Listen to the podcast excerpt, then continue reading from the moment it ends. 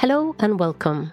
My name is Liva Bonnevie, and this is episode 174 from Clan of the Horses, a podcast about horses and horse people.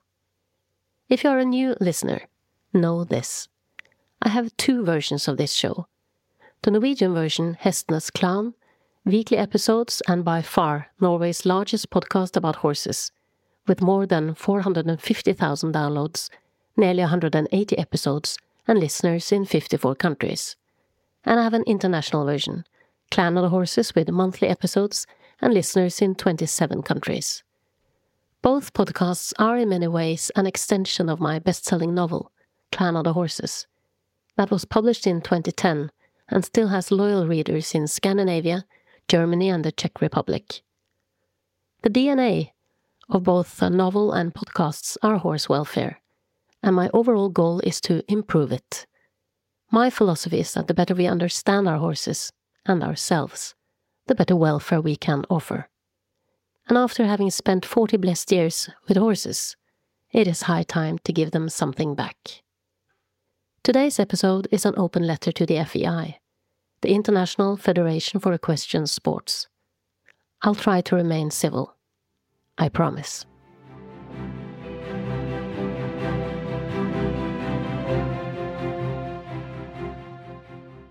Dear FEI, I have long considered sending you what Child Protective Services and the Norwegian Food Safety Authority refers to as a report of concern.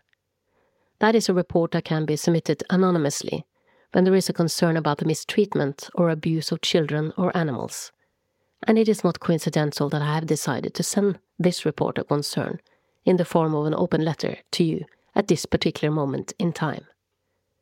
Let me start by apologizing for any poor grammar or poor pronunciation. English is indeed my second language, so please do not hesitate to get back to me if clarification of any kind is needed. Now down to business. Just a few weeks ago, TV2 Denmark finally aired the controversial documentary Operation X Secrets of the Horse Billionaire, where a journalist, using a hidden camera, exposes highly questionable conditions at Helgstrand Dressage we're talking about a documentary that even 10 months before its release made headlines worldwide when details from the content was leaked during an ongoing trial aimed to prevent the documentary from ever being aired. Two court rulings later, the documentary is now available on TV2 Denmark, on TV4 in Sweden, and on VGTV here in Norway. And negotiations for its screening rights for the rest of the world are well underway. And in case you haven't seen it yet, what we're dealing with here is not just one of the biggest scandals to hit the equestrian world in decades. We're also dealing with a major betrayal, a betrayal that does not limit itself to Denmark to begin with. Because it must be tempting to quote Shakespeare here. Something is for sure rotten in the state of Denmark. But the issue at hand is unfortunately a lot bigger than that, and it knows no borders. It is also an issue that unfortunately does not limit itself to neither the FEI nor the national equestrian federations for that matter. But I'll get back to that. The much discussed documentary not only exposes questionable conditions at an international top riders facilities, a place described as one of the world's most renowned sales stables for dressage horses, it also reveals that illegal methods and violence against horses are widespread and, to a large extent, also widely accepted as the path to gold medals and prestige in international equestrian sports. Does that mean that everyone involved in equestrian sports at top level mistreat their horses? Of course not. But this time, you really need to refrain from labeling what we witness in this documentary as a snapshot taken out of context or a bad apple. That strategy is dead. Trust me. The thing is, Scandinavia is in many ways best in class when it comes to animal welfare. But when this documentary hit the news, the most common response from those who knows the sport from the inside was, everybody knows that this is going on. And although many who know the sport from the inside were surprised to see the extent of the systematic abuse revealed in the documentary, few were shocked. This in itself is a red flag. A huge red flag. After all, the horses exposed have bleeding wounds from spurs, bleeding wounds from bits, and they are also frequently exposed to draw reins and hyperflexion that not only affect their vision and indeed the very temperature of their eyeballs, but it also makes breathing and swallowing normally impossible. If one looks more closely, the real shock should be that in some circles, it is to a large extent normalized to treat horses in an abusive and brutal manner in order to achieve results. And before the PR people got involved, the top rider exposed in the documentary was quoted in Danish press claiming that you have to put the horses in their place, otherwise they're big and dangerous animals. It can be easy to forget that the audience and those who usually view the equestrian sports from a distance who are told that horses are happy athletes and are associating dressage and show jumping with shiny, beautiful horses, colorful flower arrangements, and uplifting music, are apt to react very differently. They will most likely react like normal people react to all kinds of animal abuse, with justified shock, disbelief, disgust, and anger. So this time it will likely take more than press releases, speeches, and welfare conferences to clean up the mess.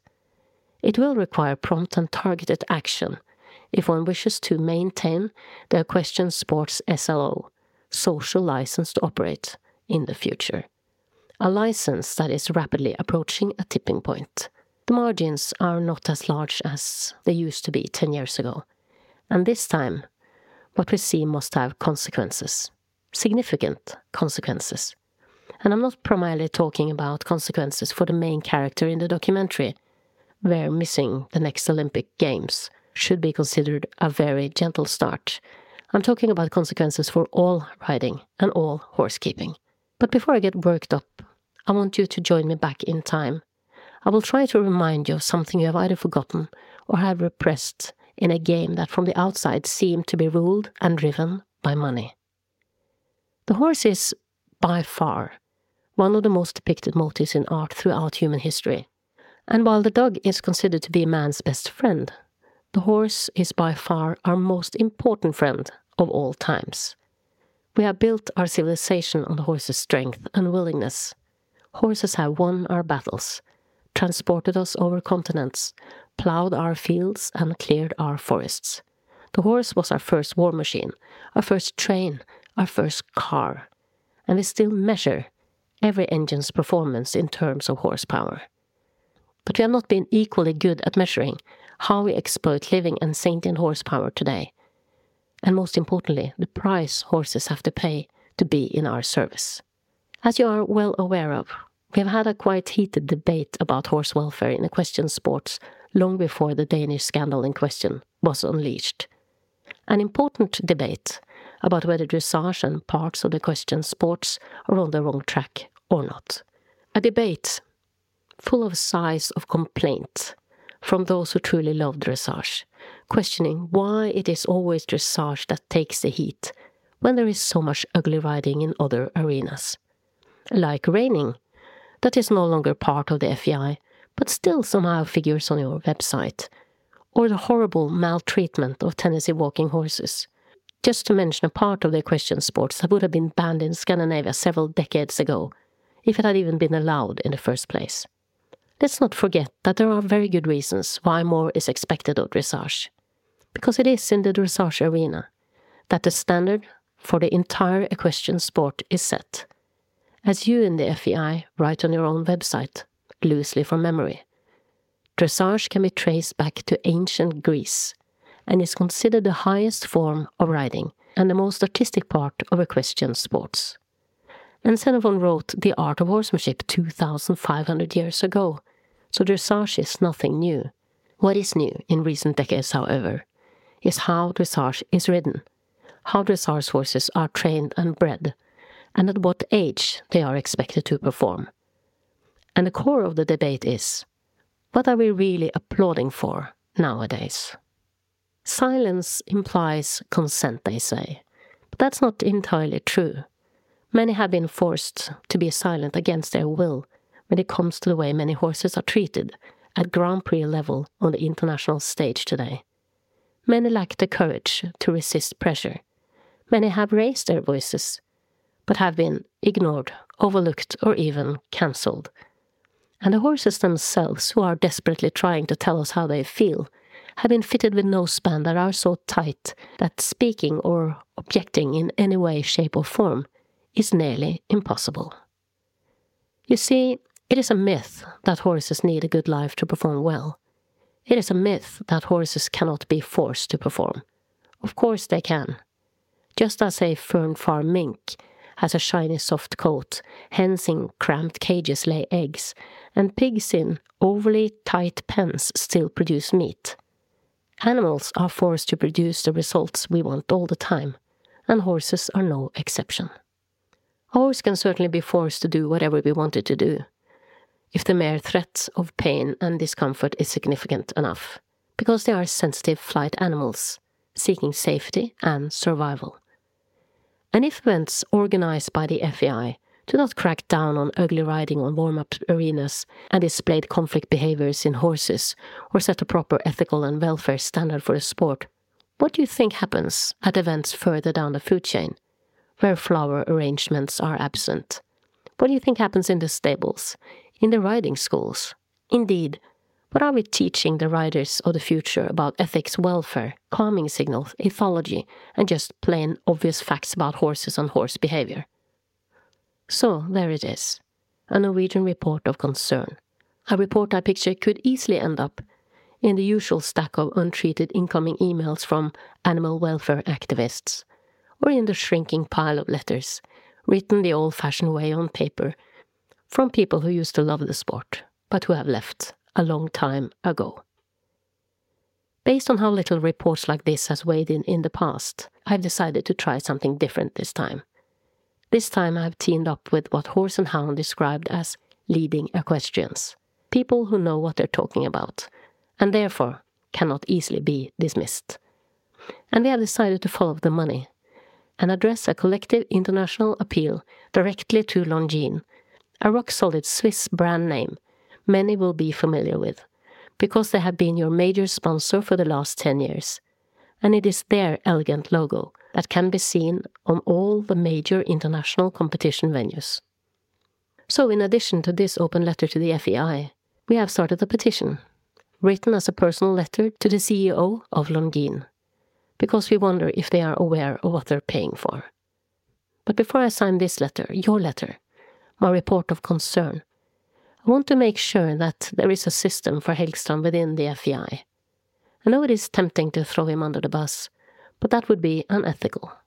The storm he and his closest associates are facing now, and all the rage directed at him, is unreasonably harsh, because he is not only receiving the well deserved anger over the images flickering across thousands of television screens in Scandinavia at the moment, he is also receiving the enormous anger that has accumulated over at least two, or maybe even three decades, intensifying significantly in strength in recent years. A justified anger that you have failed to take seriously. But make no mistake about it. From the outside, the system itself looks flawed. So we are probably not looking at a bad apple here. We are probably looking at a bad barrel, but with plenty of good apples worth saving from rot.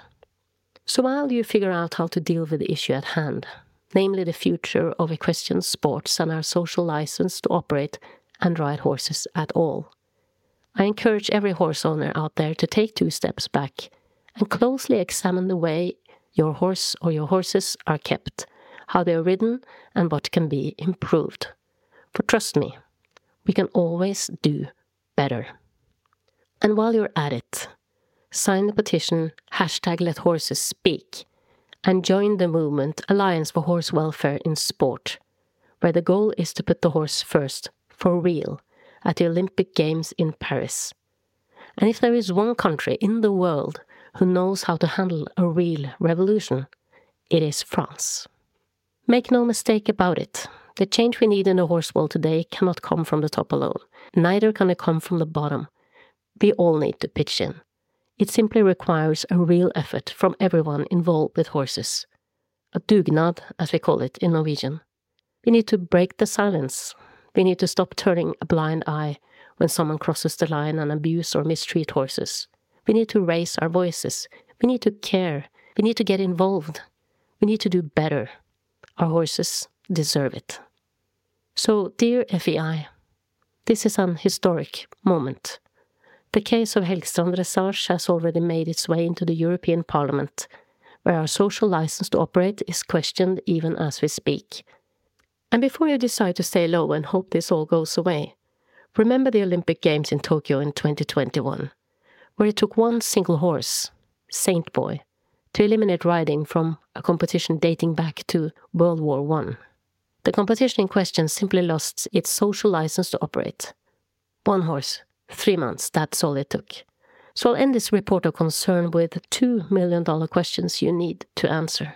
What kind of margins do you think we have when it comes to social license to operate within the remaining three Olympic disciplines involving horses, namely dressage, show jumping, and eventing?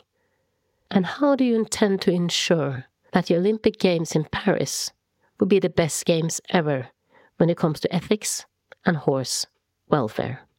Sincerely yours. You have just heard episode 174 from Clan of the Horses, a podcast about horses and horse people. I want to thank my composer Fredrik Blom, the designer of the podcast visual profile Ove Hals, my sound designer Stig Holte, and last but not least, I want to thank you, dear listener, for your patience. May the horse be forever with you.